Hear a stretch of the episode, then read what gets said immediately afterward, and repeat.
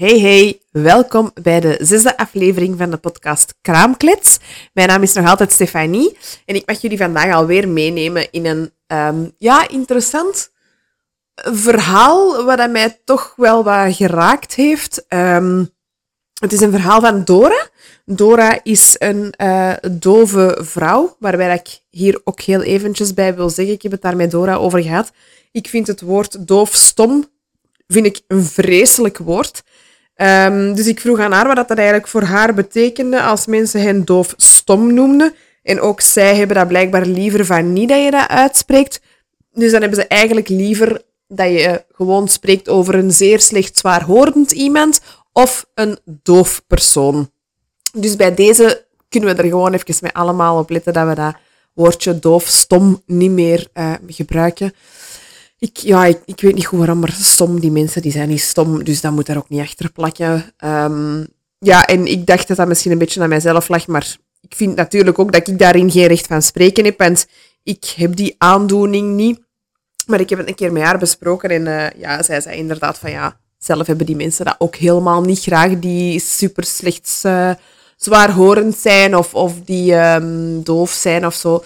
Dus misschien moeten we daar toch eens allemaal op proberen te letten. Maar het verhaal van Dora is dus wel een verhaal dat mij eigenlijk vrij zwaar geraakt heeft.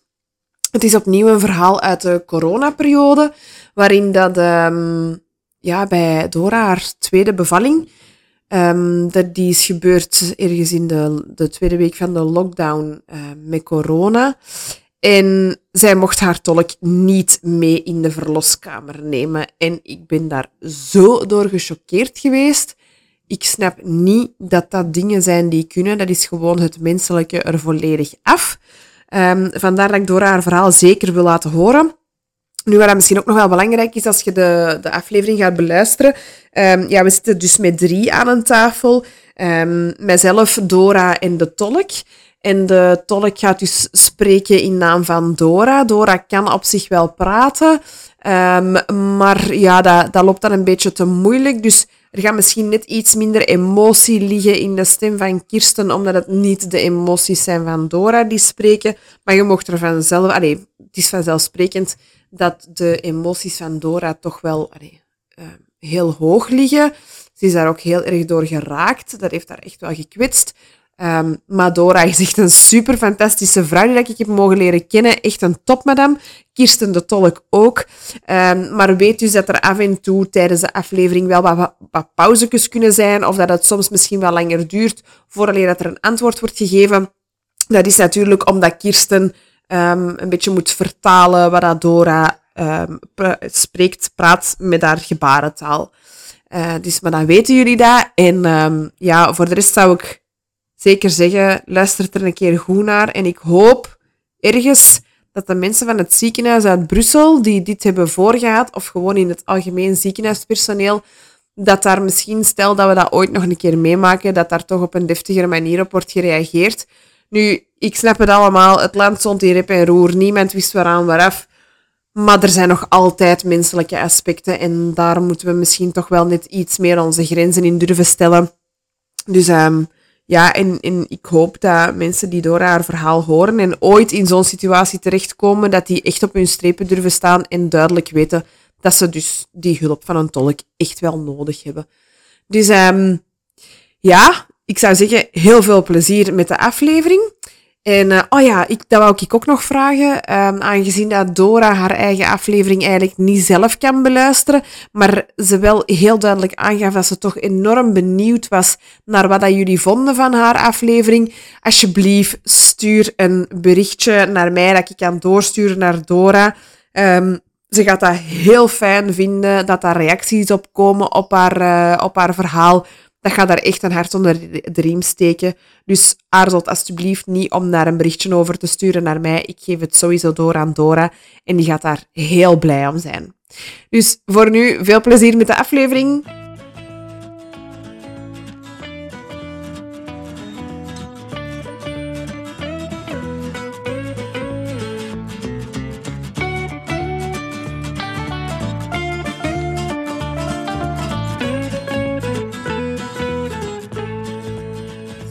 Dus dag Dora en Kirsten.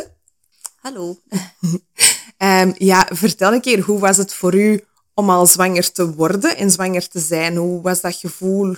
Hoe is dat allemaal gelopen? Is dat vlot gegaan? Ik heb drie kinderen ondertussen. Um, en eigenlijk waren het drie volledig verschillende zwangerschappen en bevallingen. Um, de, voor de eerste, van mijn eerste kindje was ik zwanger. Um, uh, ja, het duurde het bijna twee jaar voor zwanger te worden. Um, en ik was zeer blij dan ook dat ik zwanger was. En dat was eigenlijk een hele goede zwangerschap. Um, en dan was ik inderdaad aan het denken bij de bevalling, zou ik een tolk erbij willen of niet? Uh, want ja, dat is wel ook een deel vertrouwen dat je moet afgeven ja, het is ook echt, ja, ik vond het een, ja, een beetje moeilijk om, om echt te vertrouwen te geven. Maar ze hebben wel beroepsgeheim natuurlijk, maar het is toch een deel uh, blootgeven. Maar mijn partner is ook doof en ik weet inderdaad, ik kan wel goed communiceren met dokters enzovoort als ze uh, rustig praten. Maar natuurlijk kan ik dat ook tijdens een bevalling dat wist ik niet goed. Plus ook als ik, uh, ja, als er iets gebeurt, je hoopt natuurlijk dat er helemaal niks gebeurt, maar toch als er iets zou gebeuren, hoe gaat dan de communicatie met mijn partner zijn en over die baby? En als de dokter vers staat, hoe kan ik daar dan mee communiceren? Dus daar hebben we dan over nagedacht en dan hebben we beslist om toch een tolk uh, aanwezig te laten zijn uh, op de bevalling. En ook, ik wist ook dat de tolk zelf al kinderen had, dus dat hij ook ervaring had met bevallen en dat gaf wel een, een betere een betere verstandhouding, een beter vertrouwen. Um, en ook, ja, ook natuurlijk, je weet natuurlijk niet of je overdag of s'nachts um, bevalt. Dus dat zorgt wel voor wat twijfel. Ik ben uiteindelijk op 31 december s'morgens uh, bevallen. Uh, nee, s'morgens had ik, uh, zag ik dat ik bloedverlies had. Dus uh, ben ik snel naar het ziekenhuis moeten gaan en ben ik direct moeten bevallen. dat was, dus s'morgens had ik inderdaad een berichtje gestuurd van oké, okay, als, als het goed is voor jou, dat je aanwezig kan zijn. En dan was ik uiteindelijk zeer blij dat zij er was. Uh, dus dat ik echt alles heb kunnen volgen, uh, wat er ging gebeuren, uh, waarom dat ze dingen deden. Um, ik voelde dat ik daardoor meer op mijn gemak was. Um, er moest, ja, okay, zelf, zelf, ik moest niks vertalen voor mijn partner, die kon zelf alles vragen. En dat gaf mij wel veel, veel rust en was eigenlijk een hele mooie ervaring. En toen ik bevallen was, um, ja, pas na vijf minuten besefte ik eigenlijk dat, ah, inderdaad, ah ja, er is ook nog een tolk aanwezig. Maar dat was eigenlijk helemaal oké. Okay. Daarvoor heb ik mij daar zoveel zorgen over gemaakt, maar eigenlijk was dat helemaal niet nodig.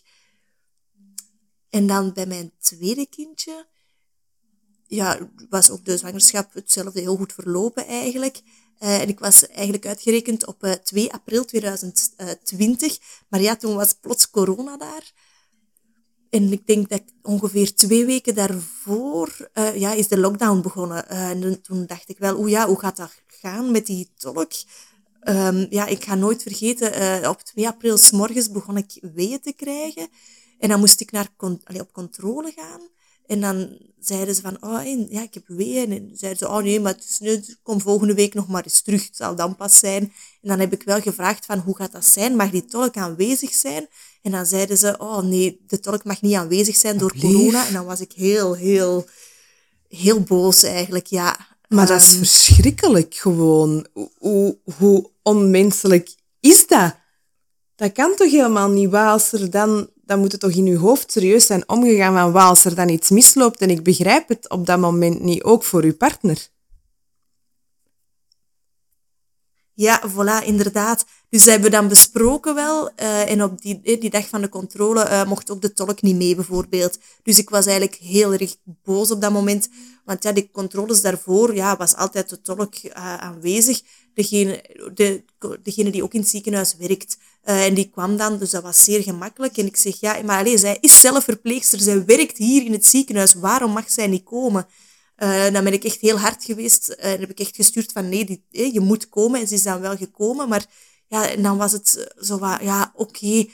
Inderdaad, misschien dat we beter nu alles goed uitleggen. Maar dan vroeg ik van, maar waarom mag die tolk niet aanwezig zijn op mijn, op mijn bevalling? Bij andere talen is dat toch juist hetzelfde. En dan uh, hebben ze gezegd, ja, we zullen alles opschrijven en we gaan alles rustig bespreken met jou. Maar ik had zoiets van, nee, ik geloof echt niks van dat de tolk er gaat mogen zijn. Hè. Wat als er iets gebeurt, wat gaat er dan gebeuren?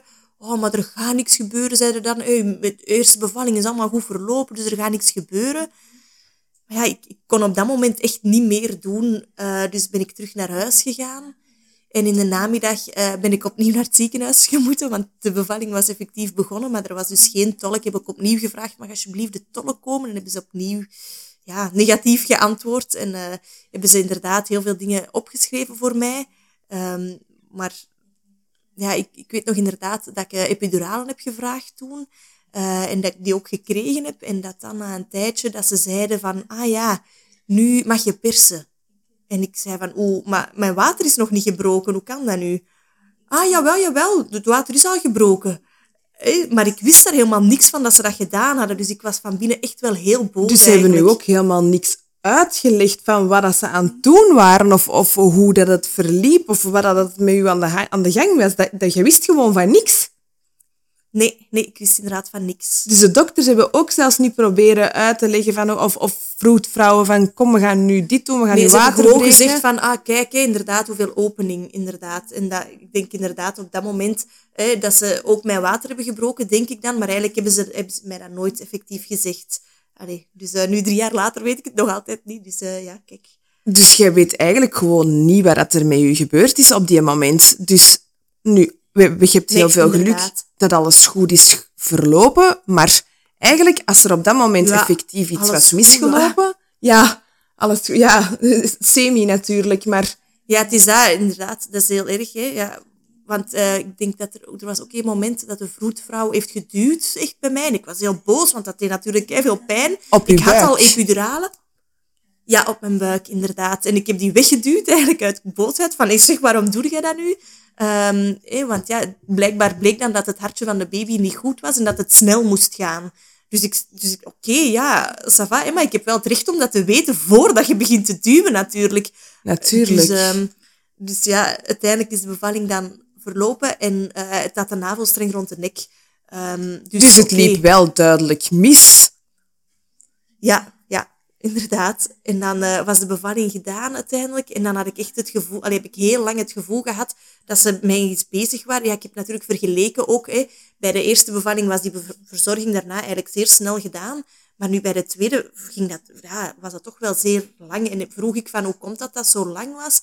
En dan zeiden ze, ah ja, want je hebt een scheur oké, okay, maar dan vroeg ik, ah, hoe, gaan we, hoe ga je dat naaien? Dan zeiden ze, ah nee, nee, dat is niet erg. Dat is niet erg, dat komt wel goed. Maar ik, ja, ik was eigenlijk al zo boos en gefrustreerd van binnen dat ik, eh, dat ik gewoon ja, blij was dat de baby in orde was en dat ik mij daar dan maar mee bezig gehouden. En dan moesten we blijven slapen en uiteindelijk bleef, kregen, we, kregen we papieren en moest ik naar, um, naar gastro, gastro-entro. Um, en ik vroeg, ja, maar waarom? Wat is er? Ah ja, dat is echt wel voor jouw scheurtje uh, moet zeer goed gecontroleerd worden. Um, bij, de, bij mijn eerste bevalling had ik ook een kleine scheur, maar moest ik helemaal niet gecontroleerd worden of was er niks verder aan de hand. Dus ik was wel wat verward daardoor. En dan ben ik thuis gaan opzoeken wat dat, dat betekende eigenlijk. Want ja, en uiteindelijk uh, zijn we dan naar die controle geweest en dan heb ik via afstand een tolk gehad, uh, dus via internet. Um, en dan hebben ze daar wel uitgelegd dat ik een zeer grote scheur had uh, en dat, dat we moesten zien, dat ze moesten zien of dat, um, ja, of dat, dat de anus of dat daar alles nog in orde was eigenlijk. Um, dus maar jij wist dus, ja. eigenlijk helemaal niet of dat, dat ging om een grote scheur, om een kleine scheur, was dat een ernstige scheur? je, je, wist eigenlijk niks. Ik wist wel dat ik veel pijn had, dat wist ik. ja, maar voor de rest niet. Maar er, er is ook geen moeite gedaan of genomen om u dat uit te leggen en, en aan u gevraagd, wilt je genaaid nee, worden wist, of ja, niet? ik wist op voorhand dat dat zo ging gebeuren. Ik had het gevoel op voorhand al, ja, dat is zeer erg, hè, ja, dat dat niet gebeurt. Uiteindelijk was dan wel alles goed en is alles goed gekomen. Uh, en met mijn derde zwangerschap dan, um, ja, moest ik opnieuw op controles natuurlijk. En was het, dat was dezelfde uh, arts als de tweede. En ik, ik vroeg, heb ik uh, gevraagd van, hoe, hoe erg was dat eigenlijk, dat scheurtje van de vorige bevalling? En, eh, want dat is wel blijven hangen bij mij. Um, want eh, ook, had ik ook gezegd, van, er was toen geen tolk aanwezig. En dan was die dokter zelf eigenlijk wel boos van, oeh, er was op dat moment geen tolk aanwezig. Uh, en dan is hij gaan kijken in het dossier. En heeft hij eigenlijk wel uitgelegd, um, ja, eh, ook uitgelegd, maar was hij gaan kijken in het dossier en stond er blijkbaar van die scheur eigenlijk ook niks in het dossier. Uh, maar bleek dan uiteindelijk dat dat toch wel uh, een zeer ernstige scheur was, bijna tot aan de anus.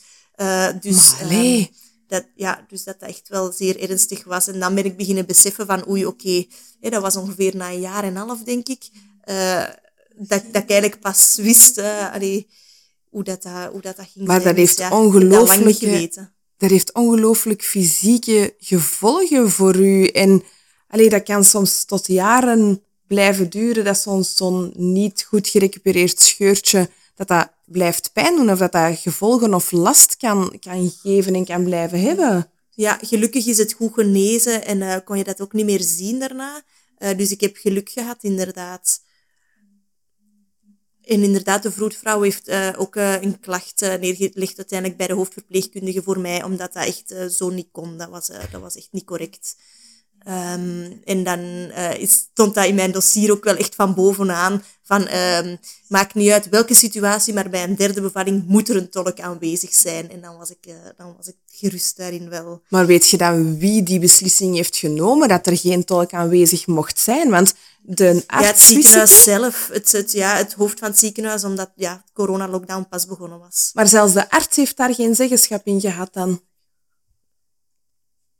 Nee, ja, ik denk het niet, omdat ja, het was uh, ja, pas die lockdown begonnen. Dus er was eigenlijk niemand die eigenlijk verder vragen stelde.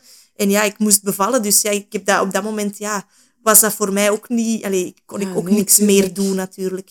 Nee, nee, nee, inderdaad. Ja, eh, ja, oké, het was inderdaad een heel moeilijke situatie. En de situatie was nieuw voor alles en iedereen. Maar dit is geen erge situatie. Dit is een onmenselijke situatie. Hè? Je mocht je niet inbeelden dat, op, dat er op dat moment iets, iets vreselijk fout gaat. Want dan, wat dan? Dan weet jij gewoon helemaal van niks. En hebben ze, hebben ze iets aan uw partner gevraagd? Is die geïnformeerd geweest? Nee, niks. Totaal niks. Niks, nee. Ja, ik moest vragen wat er was en dan inderdaad kregen, kregen we een beetje informatie. Maar ja, inderdaad, ik kan, ik kan ook niet weten hoe erg dat, dat is. Ik heb dat zelf Ah, ook nee, niet zien. tuurlijk ja. niet. Nee, inderdaad. Maar he- heeft er dan iemand tijdens de, tijdens de arbeid of tijdens de weeën u proberen uitleg te geven? Hebben ze u op zijn minst aangeraakt om te zeggen van kijk, ik praat tegen u, hè, want jij kunt lip lezen, dus hebben ze, hebben ze dat geprobeerd? Nee, het waren mondmaskers. Ah ja, natuurlijk. Ah, dat is juist. Mondmaskers, ja, ook. Ja, inderdaad. Ik mocht gelukkig mijn mondmasker afdoen wel. eh, want ik moest ook onder de scanner, omdat ze, ja, om, om, om eh, te kijken in mijn longen enzovoort, eh voor corona. En dan mocht ik mijn mondmasker afdoen. Maar voor de rest, iedereen die mee in de kamer stond, had allemaal mondmaskers aan. Maar waarom, Dus ja. waarom moest jij een scanner doen van uw longen voor corona? Ja, omdat in het begin, de, de beginperiode, dachten ze dat ze dat konden zien, ehm, of dat je corona had of niet, eh, in je longen. Daarna niet meer, hè, was dat eh, inderdaad de swipe door de neus. in Maar in het neus. begin eh, moest, dachten ze nog dat je dat in de scanner kon zien aan je longen, dus vandaar. Maar een dus dat was met is- weeën onder de scanner, ja. Oh my god. Maar echt serieus, kom aan, dat is toch, dat is toch niet, niet, niet logisch dat dit allemaal kan. Allee, zelfs op het moment waarop dat het inderdaad een, een land in chaos is omdat er iets gebeurt, moet de menselijkheid toch nog altijd voorop staan. En er is gewoon niemand dat rekening heeft gehouden met je gevoelens, met hoe dat jij er tegenover stond, welke vragen dat jij had of je partner. Nee, inderdaad. Ik heb duizend en één keer daarvoor proberen uitgelegd, 's morgens op die controle, van ik heb echt een tolk nodig. En eh, ook die week ervoor ehm, heeft de tolk gebeld naar het ziekenhuis, naar de sociale dienst nog, om te vragen van, ja, hoe gaan we dat doen als die tolk daar moet zijn? En ze hebben toen altijd gezegd, nee, de maatregelen van het ziekenhuis zijn dat er geen bezoek, niemand anders aanwezig mag zijn. Uitzonderlijk mag de partner aanwezig zijn en dat is het. Oh my, ik weet gewoon niet wat ik eraan moet zeggen. Ik- ja, deze is echt Ja, niet inderdaad, ik ga dat nooit vergeten. Dat is, eh, ja. Dat is gewoon een kei traumatiserende ervaring geweest voor u en voor uw partner.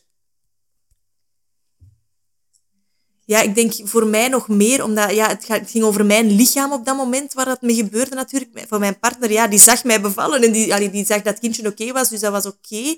Maar ja, inderdaad, er is natuurlijk... Allee, ik ben- blij dat er gelukkig geen gevolg is voor mij en voor mijn baby geweest. Want anders denk ik dat dat een zeer dubbel gevoel was geweest. Maar ik, ik ben wel altijd met die frustratie blijven zitten dat ik niks wist over mijn eigen lichaam op dat moment. Tuurlijk, tuurlijk. Kijk hoe dat je dan ook nu vandaag hier je verhaal komt doen. Hè? Want dat moet gewoon geweten zijn. Dat zijn dingen die daar niet stilgezwegen mogen worden.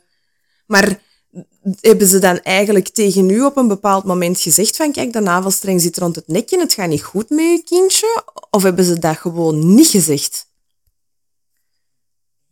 Ja, toen dat ze duwde op mijn, um, op mijn buik, eh, hebben ze inderdaad gezegd wel dat dat hartje niet zo goed was. En pas als ik bevallen was, hebben ze gezegd uh, dat de navelstreng er rond zat. En ook omdat mijn partner dat heeft gezien op dat moment. Hij mocht de, de, navelstreng niet doorknippen, want ja, dat zat rond de nek, dus uh, dat, dat, mogen ze, dat mag er niet zelf geknipt worden. Um, en pas op dat moment wisten we eigenlijk, ah, oké, daarom ging het niet goed. Um, en dan hebben ze inderdaad gezegd van, ja, oké, okay, de navelstreng is rond de nek, en mijn, maar mijn partner had dat op dat moment eigenlijk al gezien. Ja, maar... Dus uh, ja, gelukkig uh, inderdaad is hem niet blind, hè, want dan had ja, ook niet kunnen zien. Ja, maar ja, leek kom, het is toch niet meer... Ja, ik, ik denk dat jij Natuurlijk, langs de ene kant is het misschien niet slecht dat je op dat moment niet wist dat de navelstreng er rond zat, want dan was er misschien nog een grotere paniek geweest bij u. Omdat jij op dat moment aan niemand geen vragen kon stellen en niemand u een antwoord kon geven. Ja, ja inderdaad. Ja, dat is dus een beetje dubbel, hè? Ja. ja, het is heel dubbel, inderdaad. Maar misschien inderdaad, als er een tolk aanwezig was geweest, dat hij op voorhand gezegd van hey, het hartje is niet goed, uh, misschien gaan ze moeten duwen. Uh, hey, dan inderdaad had ik kunnen vragen waarom. En dan hadden ze misschien wel gezegd omdat de navelstreng hey, er in dan, rond de nek was. En dan was ik misschien wel rustiger geweest. Want nu inderdaad hebben ze gewoon beginnen duwen, heb ik die weggeduwd. Ja, dus ik denk inderdaad dat er ook tijd verloren is gegaan voor de baby, omdat ik niet wist wat er aan de hand was. Ja, als ik dat op voorhand had geweten, had ik gezegd, ah ja, oké, kom, duw maar, hè, laten we dat doen. Wat kunnen we het beste doen? En we zien wel. En nu heb ik daar natuurlijk mij ook tegen verzet. Ja, maar denk wel dat jij je in geen enkel opzicht schuldig mocht voelen. Um, of dat er nu tijd verloren is gegaan of niet. Jij kunt aan deze situatie niet, niet doen. Ik bedoel, jij vertrouwt op, op dokters, op vroedvrouwen. Uw vertrouwen ligt op dat moment bij hun in hun handen. Zij moeten voor u zorgen en voor uw baby. En dat ze tijd zijn verloren, ze hadden gewoon moeten zeggen van, of proberen uit te beelden van, kijk, we gaan, we gaan op uw buik duwen, we gaan ons best doen, we gaan uw kindje eruit krijgen en we gaan mee zorgen voor u en uw baby. Dat hadden ze moeten doen. En gewoon die tolk moeten toestaan. Ja, dat is een beetje... Allee, dat, ja. Als er iemand, iemand verlamd is en in een rolstoel zit en die valt, gaan ze dan ook zeggen, ja, sta maar recht, want het is corona, we mogen u niet aanraken. Dat, dat zou toch ook nooit niemand niet doen? Nee, dat is juist, inderdaad. Ja, allee, het is... Het is... Ik heb ook uh, inderdaad gezegd, wel, inderdaad, ik ben in Brussel bevallen. Uh, daar hebben ze inderdaad gezegd, ja, in andere talen, van mensen inderdaad, van Engels, Frans of Engels, hoe, hoe, doen ze dat dan? Ah ja, inderdaad, er mag ook geen tolk aanwezig zijn, hebben ze toen geantwoord. Maar ik had echt het gevoel van, nee, ik, ik geloof het niet. Maar ja, ik, ik weet dat natuurlijk nooit, alleen niet met zekerheid dat, dat, dat het bij nee. situatie hetzelfde was. Hè? Nee, inderdaad. Maar alleen, kom aan Oh, maar ja, jij werd dan eigenlijk zwanger de periode voor corona. Hè? Dus dat is eigenlijk allemaal wel goed gegaan. En had je dan altijd een tolk bij op de consultaties? Ja, inderdaad. Altijd. Tot die laatste. Ja, tot de 40 weken controle. Toen ineens mocht het niet meer. En dan heb ik dat toch geëist, inderdaad. En dan is die, uh, die, die verpleegster wel gekomen, hè, omdat hij in het ziekenhuis werkte. Um, ik vond dat een beetje onnozel. Hè. Ze werkt inderdaad gewoon één verdiep lager. Die mag niet één verdiep naar boven komen om dat voor mij te vertalen. Dus die is dan uiteindelijk toch gekomen. Uh, en in de namiddag uh, ben ik dan bevallen, maar dan mocht ze er niet zijn. Ja, dat is eigenlijk echt gewoon te gek voor woorden. Hè. Dat, dat snapt het toch niet? Welke logica kan daar nu achter hangen? Dat je zegt van oké, okay, een externe tolk uit, uit het ziekenhuis, die daar geen deel uitmaakt van het ziekenhuis, dan nog zou ik het niet begrijpen. Hè? Maar um, als er een tolk effectief aanwezig is in het ziekenhuis, dan is die persoon daar toch al. Dus wat, wat, wat maakt dat dan het verschil? Ja, voilà, inderdaad. Ja, ik heb het ook nooit begrepen. ja, mij. Maar je hebt dan nog een derde kindje gekregen uiteindelijk, hè? Ja, inderdaad. Ik heb nog een... Ook, ja, dus de klacht is ingediend en het dossier, er stond van boven dan op van er moet vanaf nu altijd een tolk aanwezig zijn. En die zwangerschap is ook goed uh, verlopen. Ik ben over tijd gegaan wel, dat was wat frustrerend. Uh, en dan de laatste controle, ja, dat was op zondag. Uh, dan had ik beslist van uh, de tolk van de bevalling, die mag al meekomen. Uh, omdat ervoor inderdaad had ik altijd een andere tolk. maar ik dacht, ik ga nu die, die tolk, degene die de bevalling er gaat aanwezig zijn, um, ga, ik, ga ik mee laten komen om te kijken ook wat de mogelijkheden zijn voor de bevalling. Uh, zodat ik inderdaad, want ik wou eigenlijk niet graag ingeleid worden. Bij het eerste was dat gebeurd en daar had ik heel veel pijn van gehad. dus ik wou dat liever niet meer.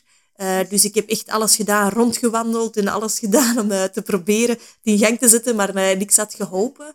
En toen we zijn binnengegaan um, voor de controle, was er weinig beweging en was het hartje van het kindje ook niet zo goed, want ik was ook al ver over tijd. dus dan moest ik aan de monitor gaan liggen of alles oké was. Um, en dan moest ik naar boven, naar het verloskwartier. Um, en dan zeiden ze, ah ja, de tolk is daar. Ik zeg, oh nee, nee, nee. Ja, jawel, jawel, inderdaad. Kijk maar, hè. Ja, in tos, ik, ik had gezegd, ah ja, kom aan. Ik, de, de tolk mag wel mee. Kijk maar in dossier. En dan mocht de tolk inderdaad toch mee binnen. Uh, want ik dacht, ja, niet beginnen, niet opnieuw hier. Uh, dus ze mocht dan wel aanwezig zijn. En dan uh, moesten we terug naar huis. En s'nachts heb ik wel weeën gekregen, dus morgens opnieuw binnen in het ziekenhuis. En dan mocht de tolk zonder problemen mee binnen. Um, want ik, had, ik dacht ook direct, nee, je moeten allemaal in mijn dossier kijken. Ik weet dat ze mee mag, ze moet mee binnen mogen nu. Dus ze was uh, gelukkig dan wel aanwezig in mijn, uh, bij mijn bevalling en alles is eigenlijk zeer goed en vlot verlopen ah, ja, toen. Maar ik had wel zoiets van, pas op hoor, ik ga dat hier niet opnieuw meemaken en ik wil hier alles weten over een scheur, klein, groot. Maar ze hebben wel goed gezorgd voor mij dan. Uh, dus ik heb bij de derde ook geen epidurale gehad. En ik ben gewoon natuurlijk kunnen bevallen. Okay. Maar uh, dat doe ik wel nooit meer. Nee, dat snap ik. Nee, dat snap ik. Ja, ja, ja. Amai. Maar dat was dan wel nog altijd in hetzelfde ziekenhuis. Dus je bent drie keer in hetzelfde ziekenhuis bevallen. Ja. En ook drie keer met dezelfde arts en dezelfde... Allez, of dezelfde mensen die er vast bij uh, zijn? nee, er waren allemaal andere dokters bij mijn bevalling. Allemaal andere. Heb je dan nooit je gynaecoloog mogen kiezen of kunnen kiezen? Jawel, bij, bij de twee laatste uh, had ik dezelfde gynaecoloog. Uh, maar met de bevalling, ja, ik weet, ik weet niet, ja, was dat iemand anders die aanwezig was? Ik weet niet, het is een universitair ziekenhuis, dus ik denk dat ze ja, roleren en ja, dat het daardoor ja, was. Ja, inderdaad. Ja.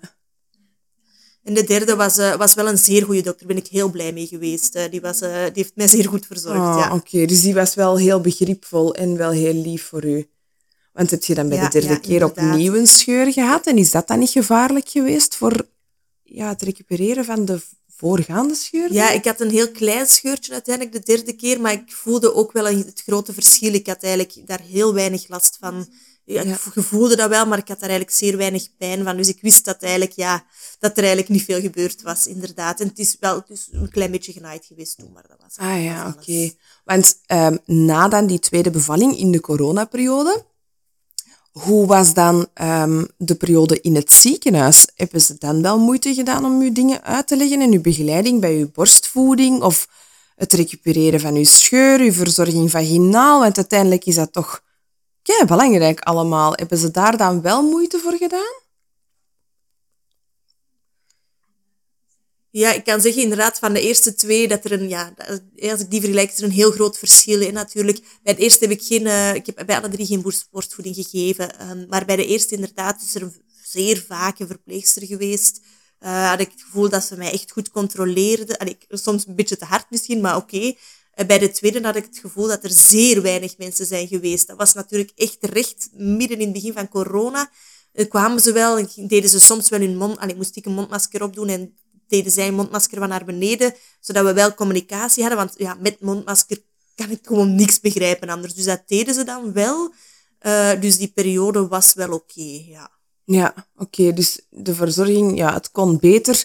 Maar natuurlijk, op dat moment stond het land een beetje in rep en roer met die stomme corona. Dus ja, de verzorging op zich, ondanks dat er zoveel chaos was, was wel oké. Okay. Ja, inderdaad, dat wel. Maar dat was natuurlijk ook voor mij het tweede kindje. Als ik kan mij voorstellen, als dat mijn eerste kindje was, hmm, dan denk ik dat ik, uh, ja, dat, dat ik zelf in paniek uh, was geweest van wat ik allemaal moest doen. Maar omdat het mijn tweede kindje was, uh, dat wist, allee, had ik het gevoel wel van, oké, okay, ja, dat weet ik eigenlijk wel. Ja, er is veel eh, ja, uitleg over het bad en zo, ja, dat is natuurlijk niet nodig, want dat wist ik wel allemaal al. Dus dat was wel een verschil. Dus ja, ik had daar misschien ook minder nood aan. Ja. En bij het derde, inderdaad, heb ik me aan het gezien. Allee, in vergelijking natuurlijk. Ze zijn natuurlijk wel gekomen, maar ja, in je gevoel is dat toch anders. Hè. Ja, dat is, hè, stoor ik niet. Dan dacht ik, ah ja, wanneer ben jij gekomen? Tot een nu vergeten dat dan al precies. Dus ja. Ja, ja, ja, oké. En eh, zet je dan ook gewoon in, in, een, in een bed bevallen, de drie bevallingen? Of eh, was, hadden de mogelijkheid om toch ook in een bad of zo? Of was dat ook gewoon echt een no-go? Nee, er, eh, er was geen mogelijkheid voor een bad daar. Ehm, maar ik wou dat ook niet per se. Ah, oké. dus, eh, Nee, nee. Maar het is wel eigenlijk echt heel, heel strikt medisch geweest allemaal. Ja, ja. Ja, eigenlijk echt het noodzakelijke is gebeurd en daar stopte het. Hoe bedoel je juist? Ja, wel, dus soms heb je ook de mogelijkheid om, om een eigen vroedvrouw mee te nemen en om te kiezen. Wilt je in een bed bevallen, wilt je op een kruk bevallen of op een bal? Of ehm, ja, wilt je het een beetje gezelliger hebben? Ja, ze ik, u? ik had wel een bal ook, weet ik, maar pff, ja. Maar daar waren jij op dat moment misschien ook niet mee bezig. Je was misschien te gefrustreerd en te boos omwille van hetgeen wat er allemaal is gebeurd. Om Ja, bij de daar- tweede keer zeker, inderdaad. Ik was eigenlijk heel boos, inderdaad. Maar bij de eerste en twee heb ik epiduralen gekregen, dus mocht ik ook niet meer uit mijn bed. Dus ja. Ah, ja, ja, ja, ja oké. Ja. En bij de derde, ja, heb ik geen epiduralen gehad, maar ben ik toch in mijn bed gebleven, ja. Ik weet niet, ja, gewoon uit boosheid van de pijn, denk ik. Snap ik helemaal. Wat hebben uw bevallingen elke keer lang geduurd? Nee, ik denk de eerste, ja, was met een ballonnetje voor inleiding. Ehm, dan heb ik een ballon gekregen en dat was in totaal tien uur. Ah ja, met Ehm. weeën en al bevalling bij... Ja, inderdaad, in het ziekenhuis, tien Ja. uur. Eh, bij de tweede eh, waren de weeën al van 's morgens, maar in het ziekenhuis zelf denk ik eh, een uurtje en een half maar. Amai, echte bevalling. vlot. Ja, dus twee uur misschien max. Ja, en de derde... Nee, nee de tweede, twee uur en een half was de tweede. En de Mhm, nog altijd derde vlot. keer- ja, ja, inderdaad. En mijn derde kindje een uurtje en een half. Ja, Amai, zoiets. oké. Je bent wel gezegend met vlotte bevallingen, dat is wel fijn. Ja, inderdaad. Ik, ik had wel verwacht dat lang... Allee, ik, ik heb altijd lang gewacht thuis ook, hoor. Ah Dus, ja, ehm, oké. Dus ja, Ja. ik wou niet lang in het ziekenhuis liggen. Dus eh, ik heb eigenlijk altijd lang proberen opvangen thuis. Ah ja, oké, ja, dat is goed. Ja, ja. Want hebben ze eigenlijk daarna nog, ehm, na de geboorte van uw middelste kindje, in de coronaperiode, hebben ze dan eigenlijk geprobeerd om na te kijken waar dat er dan eh, aan het misgaan was, dat het hartje naar beneden ging? Of lag dat echt puur alleen aan de navelstreng? Of hebben ze dan nog verdere testen gedaan om te kijken, is alles oké? Nee, ze hebben eigenlijk- dat was de navelstreng. Ja, dat was Oké. de reden. Ja. Ja, oké. Ja, allee, inderdaad. Allee, voor de rest weet ik het eigenlijk niet. Hè. Ja. Nee, ja, maar Nee. ik vind dat zo zot dat je, dat je eigenlijk gewoon totaal niet weet wat er met u aan de hand is geweest en ja, wat dat er eigenlijk allemaal juist gebeurd is. Ik vind dat zo onmenselijk. Ik hoop echt dat ze eruit geleerd hebben, want kent je toevallig nog andere ehm, mensen met een, een zwaar gehoorprobleem die ongeveer zoiets hebben meegemaakt of niet? Ja, eh, ik weet de korte periode van de eerste lockdown, eh, weet ik dat er een aantal... eh, Ik, ik, heb, allee, ik, ik, ik had geluk eigenlijk, want mijn mondmasker mocht af. Ik weet van de anderen dat de mondmaskers aan moesten blijven ook. En dan dacht ik ook wel van, dat is toch zot om te bevallen en te moeten persen met Ja. een mondmasker. Ehm, maar waren eigenlijk allemaal wel goede bevallingen. Vrienden van mij zijn bevallen in november dan.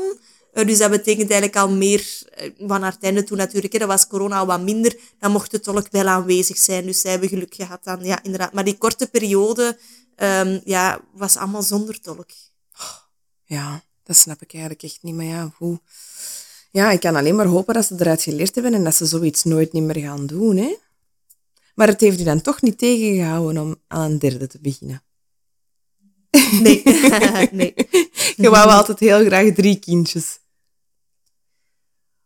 Goh, ik ben opgegroeid en ik heb altijd gezegd dat ik twee kinderen wou hebben, zeker niet eentje. Dat ik zeker twee kinderen wou hebben. Maar hoe ouder ik werd eigenlijk, hoe meer ik het gevoel had van, oh, hé, we zien wel, ja, hé, van, ook het leven is duur en ik wil wel graag kunnen reizen. En ja, ik, wil ook, ik ga ook graag skiën, maar dat is een dure sport natuurlijk. Dus dacht ik, hé, inderdaad, dat wil ik kunnen blijven doen.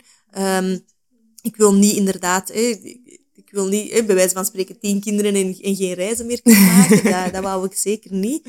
Uh, dus ja, uiteindelijk, ja, bij een derde hebben we een beetje de discussie gehad. Ik wou eigenlijk wel graag uh, nog eens een zwangerschap. Allee, ook, ja, ik dacht, oh, dat, ja, ik wou dat wel graag nog eens. En mijn partner was zo van, oh, maar drie, dat is druk. En ja, maar ja, uiteindelijk uh, ja, hebben, we, hebben we geen allee, voorbehoedsmiddelen gebruikt. Dus ja, was ik toch zwanger. En dan was, allee, waren we wel alle twee heel blij hoor. En dan hebben we wel gezegd, na drie is het goed geweest. Uh, Oké, okay, nu is het gedaan. ja. En zijn het meisjes of Omdat jongens? we ook wel gevoelen... Um, de oudste is nu vijf jaar en die kan eigenlijk al heel veel zelfstandig doen natuurlijk. De tweede is nu drie, hè, die begint ook veel zelf te kunnen. En ja, als je samen iets wilt kunnen doen, ja, als je dan nog een babytje erbij hebt, ja, dan... Allee, dus dan dachten wij, of dan moet je altijd opvang zoeken, nu ook al voor derde, voordat we dat met twee oudsten iets kunnen doen. Dus als je dat met een vierde doet, is dat nog langer wachten voor je echt met volledig je gezin samen iets kan doen. Dus ja, ja. vandaar, ook de auto is vol, het huis is vol, voilà. Ja, en uw hartje zit ook vol. Ja, ja inderdaad. Ik kan, ik kan nog, maar het is, het is goed. Maar nu inderdaad, als mensen zien, als ik nu mensen zie die zwanger zijn of zo, dan uh, denk, heb ik zo wel iets van, oh, het is oké, okay. uh, ik, moet, ik moet zelf niet nog eens uh, zwanger zijn. Nee, dus nee. ik heb het gevoel wel dat dat genoeg is. Ja. Oké, okay. en zijn het meisjes en jongens? Uh, het eerste en het derde zijn, is een jongen en de middenste is een meisje. Ah ja, oké. Okay. En hoe heten ze? De eerste is, de jongen is Olavi. De tweede is Jolita. En de derde Nelio. Wauw, wat een speciale namen. Van waar Ja. komen die? Ja, op internet gevonden eigenlijk inderdaad. Het eerste inderdaad wist ik uh, dat het oorspronkelijk van Finland is. Uh, en de twee andere weet ik eigenlijk niet. Oh, my, mooi. En gehoord tijdens, tijdens een film of gevonden op online of... of... Ja, gewoon uh, online namenlijsten gezocht en daar de namen gevonden. En daar verliefd ja. geworden op namen. Ja, kijk, tof. Echt mooi. Speciaal. Ja, ik wilde... Ja, ik wil wel bestaande namen, maar speciale. Dus uh, vandaar. Ik wou, uh, ik wou niet dat uh, iedereen dezelfde naam had. Nee, snap ik, ik helemaal. Nee, nee, nee, nee. Ja, kijk, goed. En zijn er zo misschien tips die dat jij wilt meegeven aan andere mama's die misschien met hetzelfde of ongeveer hetzelfde soort gehoorsprobleem of andere lichamelijke problemen zitten um, naar bevallingen toe? Hè? Moest er ooit, laat ons hopen van niet, maar moest er ooit nog eens een keer zoiets uitbreken gelijk als corona en het land staat weer helemaal uh, in rip en roer?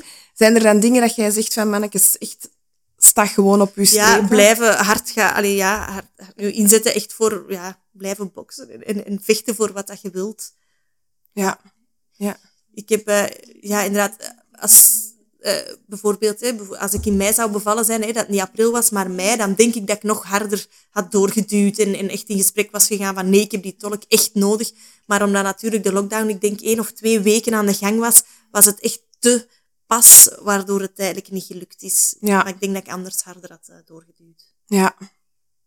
Ja, ik, ik hoop inderdaad dat ze, er, uh, ja, dat ze eruit geleerd hebben. Hè? En dat andere vrouwen gewoon keihard op hun strepen staan en echt wel, wel proberen hè? Van, van toch die tolk erbij te krijgen. En dat, dat ziekenhuis gewoon op een iets menselijkere manier ermee omgaat.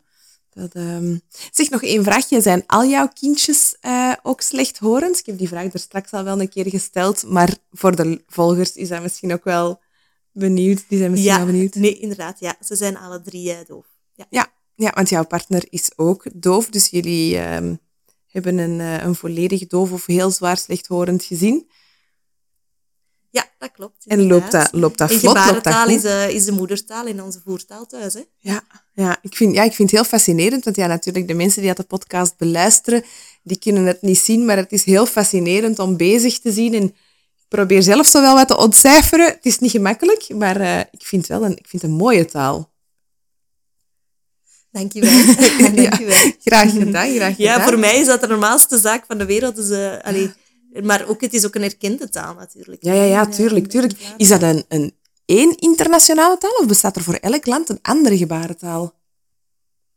Nee, nee er zijn uh, allemaal verschillende. Dus uh, zelfs in België heb je eigenlijk ook verschillen.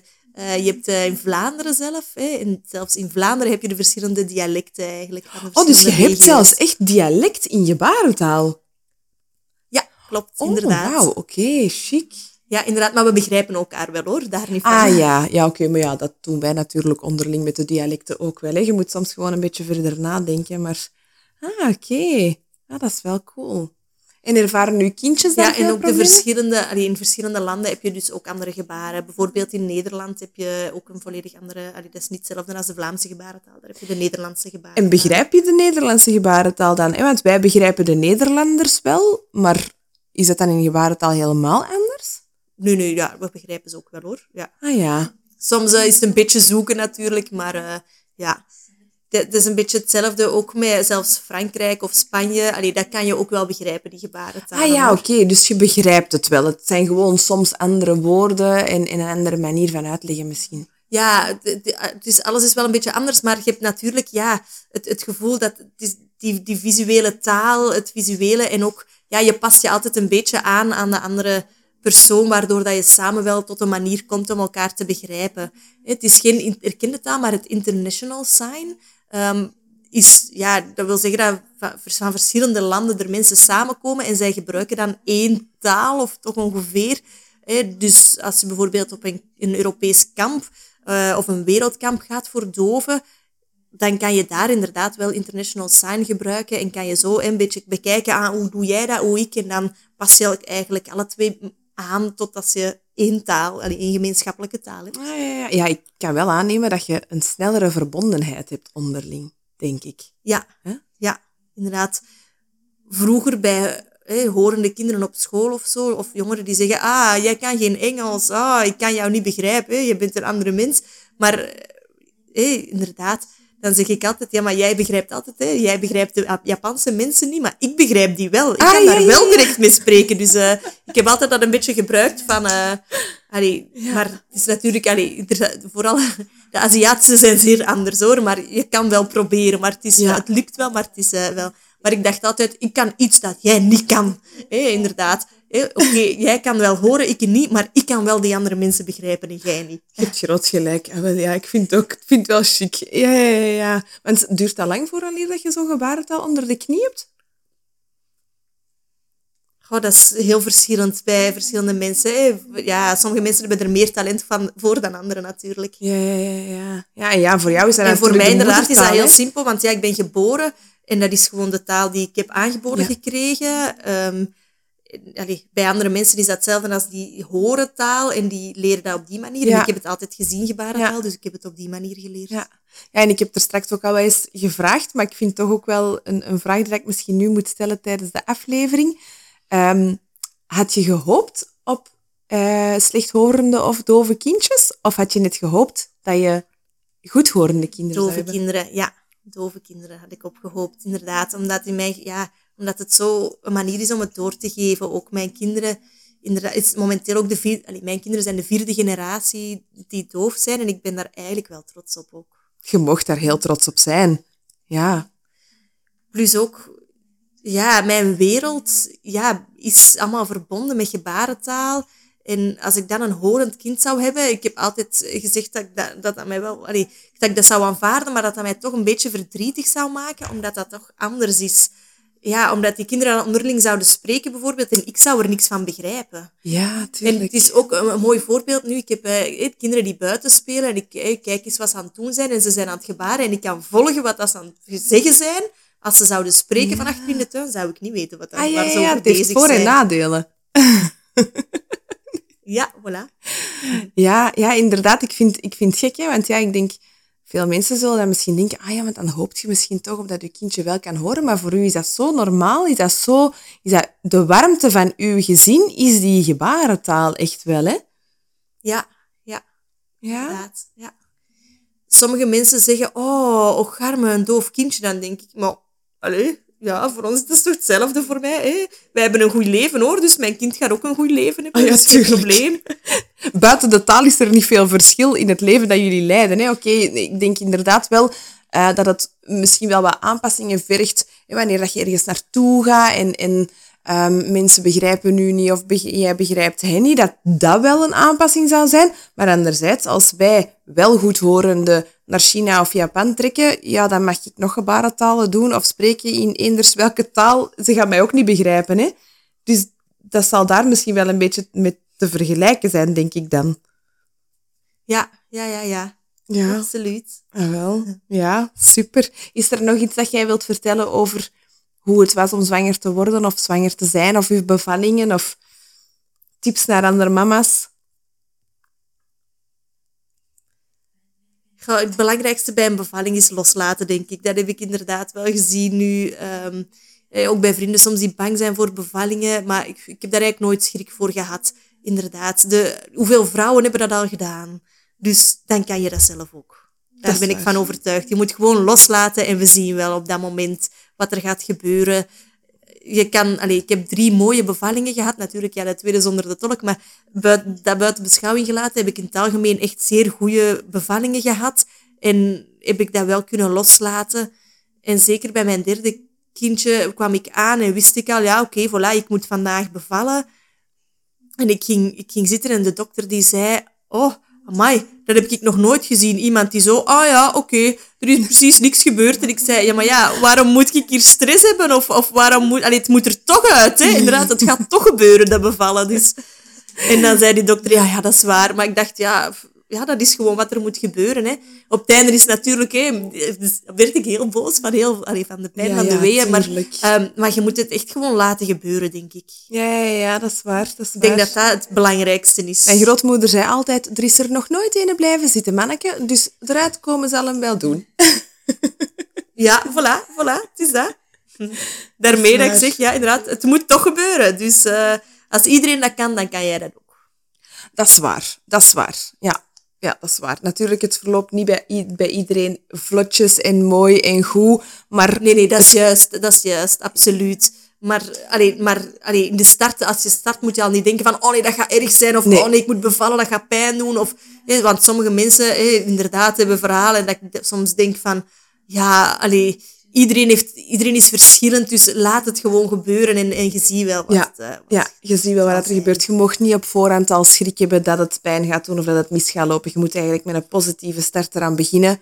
En dat zal al een groot deel doen van hetgeen waar je natuurlijk uh, gaat moeten doorstaan ja, hè, met je bevallingen. Hè.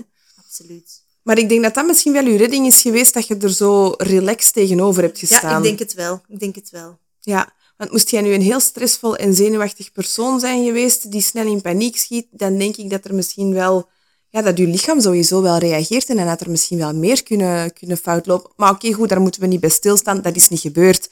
Alles is goed verlopen en daar mogen we dan blij om zijn, hè? Ja, inderdaad. Oké, je moet ook niet bang of, of beschaamd zijn voor epiduralen te vragen, denk ik. Nee, nee, dat is uitgevonden voor een reden. Ja, sommige mensen zeggen, oh nee, ik wil dat echt niet epiduralen, want ja, dan lijk ik zwak. Maar dan denk ik, wow, uh, als, je, als je dat wilt vragen, dan moet je dat gewoon doen, inderdaad. Ik heb inderdaad bij het eerste lang gewacht voor epiduralen en bij de tweede dacht ik, oh kom, ik ben beu, ik ben ervan, ik wil van die weeën af, kom, ik wil nu epiduralen, klaar. Ja, en, want epiduralen, ik denk inderdaad een half uur later ben ik al bevallen. Dus dat lijkt dan misschien onnozel, maar ik was toch heel blij mee dat ik met die beslissing. Dus, uh... Als dat u een half uur pijn heeft bespaard, dan heb je een groot gelijk gehad dat je dat hebt gekozen. En ik vind ook, allee, dat moet iedereen voor zich beslissen. Iedere vrouw is daar anders in. En zijn er beide dat dat zonder willen proberen, of dat gewoon niet anders gaat zonder, ja, dan zult je dat ook goed kunnen en goed doen. Maar uh, je moet je zeker en vast niet beschaamd voelen omdat je een epiduralen hebt gekozen. Hè. Uh, dat Valgan is ook uitgevonden voor hoofdpijn, hè? dus ja. ja, voilà, inderdaad. Het is dat, ik, zeg altijd, ik heb altijd gezegd, ik wil eigenlijk geen epidurale, ik wil proberen zonder. Maar ja, uiteindelijk heb ik bij twee toch gedaan. Hè. Allee, uh, sommige mensen, allee, hè, je zei toch dat je het niet wilt? Ik zeg ja, maar ja, oké, okay, op dat moment maakt het niet uit. Hè. Inderdaad, wat dat je ervoor gezegd hebt, het gaat, het gaat over wat dat je op die moment beslist, denk ik. Ja. En bij de derde heb ik het dus niet gedaan, maar dat was vooral... Uh, ik dacht eerst, oké, ik kan nog wel even volhouden. En dan voelde ik naar het einde, oh, ik kan niet meer. En dan zei de dokter, ah nee, nee, maar het gaat niet meer lang zijn, het gaat niet meer lang zijn. En dan werd ik wel wat boos eigenlijk, maar uh, dan dacht ik inderdaad, dan had ik 7 centimeter opening al. En dan heb ik uh, gevraagd van, hey, ik wil toch nog epiduralen, is het al te laat? En hebben ze geantwoord, nee, het, is, uh, het gaat niet meer. Dus ja, dan inderdaad heb ik niks gehad. Maar na de bevalling, inderdaad, zei mijn partner, ja, eigenlijk kon je het wel nog krijgen, blijkbaar. Maar ik weet dat ze gezegd hebben nee, omdat ik wist dat jij het zonder wou proberen. En ik wist ook dat je het kon. Ah, Dus, eh, ja. En dan was ik wel zo van, oké. Want op dat, moment, op dat moment was ik even boos van, zeg, jij, ik mocht kiezen. Dat was voor mij. Maar als ik erop terugkijk, ben ik wel blij dat hij het zo gedaan heeft. En dat hij, Ja. Maar het is wel, allee. Maar ik vond wel, ja, dat zot, want ik vond, ja, de derde was natuurlijk het, het, het zwaarste van de drie. Ehm, dus en dat heb ik dan ook, allee, dat was in gewicht het zwaarste kindje van de drie ook. Dus dat heb ik dan zonder epidurale gedaan. Dus dat is op zich wel zot. Ah, maar ja. En hoeveel woog uw babytje? Vier kilo. Ah ja, dat is een stevige brok. Ja, dat is een Ja. stevige brok. Ja, Ja, ja. dus dat. Ja, ja. Ja, ze legde dat op mij en ik had al snel gezien. Ik dacht, oeh, oké, dat is zeker vier kilo of meer. Want ja, dat leek eigenlijk... Hè, oh, een Mich- een Michelin-mannetje Ah, leek ja, het ja, al. ja, ja. Dus ja, dat zag ik direct. Ik dacht, oeh, oké. En dan inderdaad heb ik gewogen 4 kilo 95. Ja, en dan dacht Oef, ik, ja. oké. Ja. Eh, hé, waarom heb ik de eerste twee dan wel epidurale? Omdat, eh, terwijl dat, dat veel lichtere kindjes waren. Allee, ook 3 kilo en half, maar... eh, en dan bij het vierde geen, en dat was dan over de 4 kilo. Dus ja, maar bon, oké, ik heb het gedaan, het is gepasseerd. En je hebt dat goed gedaan. Je hebt dat heel goed gedaan. Dankjewel. Ja. Maar ik ben altijd wel verbaasd geweest hè, dat ze bij het derde vroegen van epidurale. En ik zei, ah nee, nee, nee. En dat inderdaad, dat ze zeiden van, oh, amai, goed, respect. En dat ik dacht, ah, oké. Inderdaad, nu is het epidurale normaal. En natuurlijk bevallen, allee, of zonder epidurale, dat is ineens het, wow, het, het zotte. Terwijl dat, dat niet echt uitmaakt, want het is alle twee goed, toch? Allee. Ja, ja, ja, ja. Ja, maar ja, speciaal allemaal toch wel, hè, dat we vallen in dat, eh dat zwanger worden.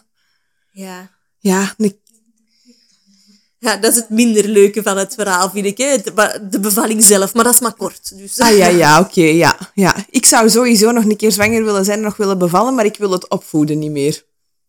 Ook zo'n taboe, hè, maar ik zou het echt niet meer Ja, kunnen. maar dat snap ik. Dat heb, snap- dat heb ik hetzelfde. Inderdaad, ik wil graag zwanger zijn. Ik was heel graag zwanger, absoluut. Maar nog een kindje verzorgen, nee. Ja, nee, geweest. nee, snap ik helemaal. Ja, nee, zwanger zijn en bevallen, dat was voor mij ook easy peasy. Daar heb ik nooit over te klagen gehad, maar de kraamperiode daarachter, dat wil ik toch nooit niet meer meemaken. Dat is eh niet... Ik heb nooit een roze wolk gezien. Ik heb meer donderwolken en bliksemschichten gezien dan iets anders. Dus ehm, Ja, goh, ik moet zeggen, bij mij... mm, ja, bij het derde, inderdaad, dat was eigenlijk de mooiste periode, denk ik. Ah ja, de derde keer. misschien omdat je ook rustiger waart als mama zijn, omdat je wist dat er op je afkwam. Ja, ja. Ik denk het wel. Bij de eerste, eh, bij de eerste bevalling, ja, dat was dan juist de feestdagen direct. Ehm, wacht, dat was, ja, ik denk dat twee maanden oud was. eh, dat mijn partner zei, dat ik zei, oh, ga maar met vrienden eh, skiën, doe maar. En die periode, inderdaad, heb ik echt spijt gehad. Ik heb eigenlijk heel de week geweend, denk ik. Maar allee, ik had wel een makkelijke baby, daar niet van. Maar juist die ene week was super moeilijk. Hij heeft eh, een baby alleen maar geweend en ik wist niet wat ik moest doen. En dan ben ik eh, bij mijn mama gaan eisen van, jij moet op dat moment nu bij mij komen. En ze heeft dat wel gedaan dan. En dan heb ik eh, mijn baby Ja. even kunnen afgeven. ja, want dank ja, je, mama. ja, absoluut.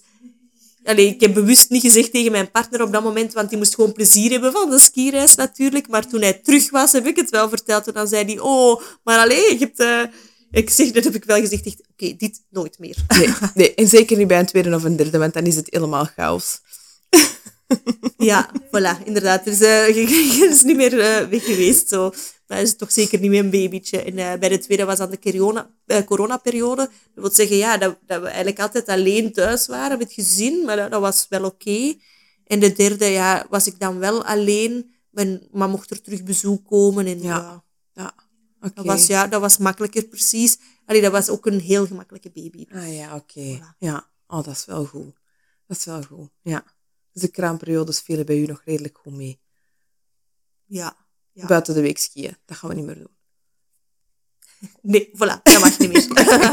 mag niet alleen weg. nee, inderdaad, heeft het niet meer gedaan.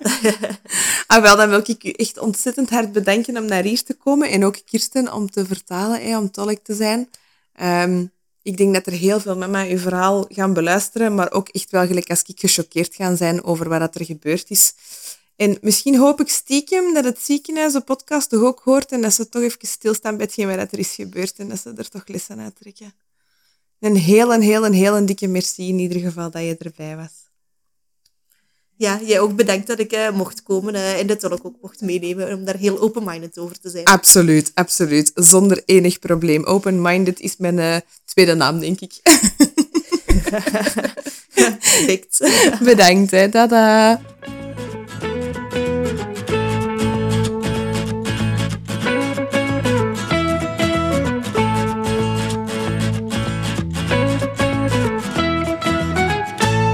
Dankjewel dat jullie luisterden naar de aflevering van Dora.